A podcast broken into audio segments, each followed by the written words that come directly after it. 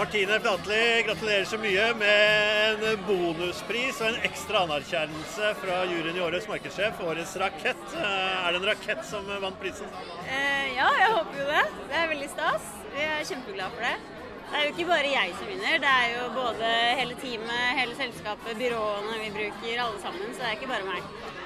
Du var jo ikke blant de fem finalistene, men allikevel valgte juryen å gi deg en ekstra anerkjennelse. Var det overraskende? Det er veldig overraskende og veldig stort og kjempestas. Og det var ikke noe vi trodde skulle skje. Så ja, vi er veldig, veldig glad. Kort, hvordan er det å markedsføre en digital uh, legehjelp?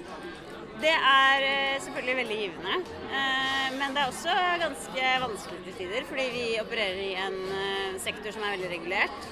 Så det er viktig å finne den balansegangen trå riktig. Og det er ikke alltid vi klarer det, noen ganger klarer vi det. Men ja, det er kjempegivende. Veldig gøy. Så nå er det bare å sikte mot toppen neste år og gå helt til topps, eller? Absolutt. Nå vant Askeladden i år, så vi ligger bak dem og puster dem i nakken. Så neste år er det vi som vinner da. Gratulerer så mye, Martine Blatter. Tusen takk.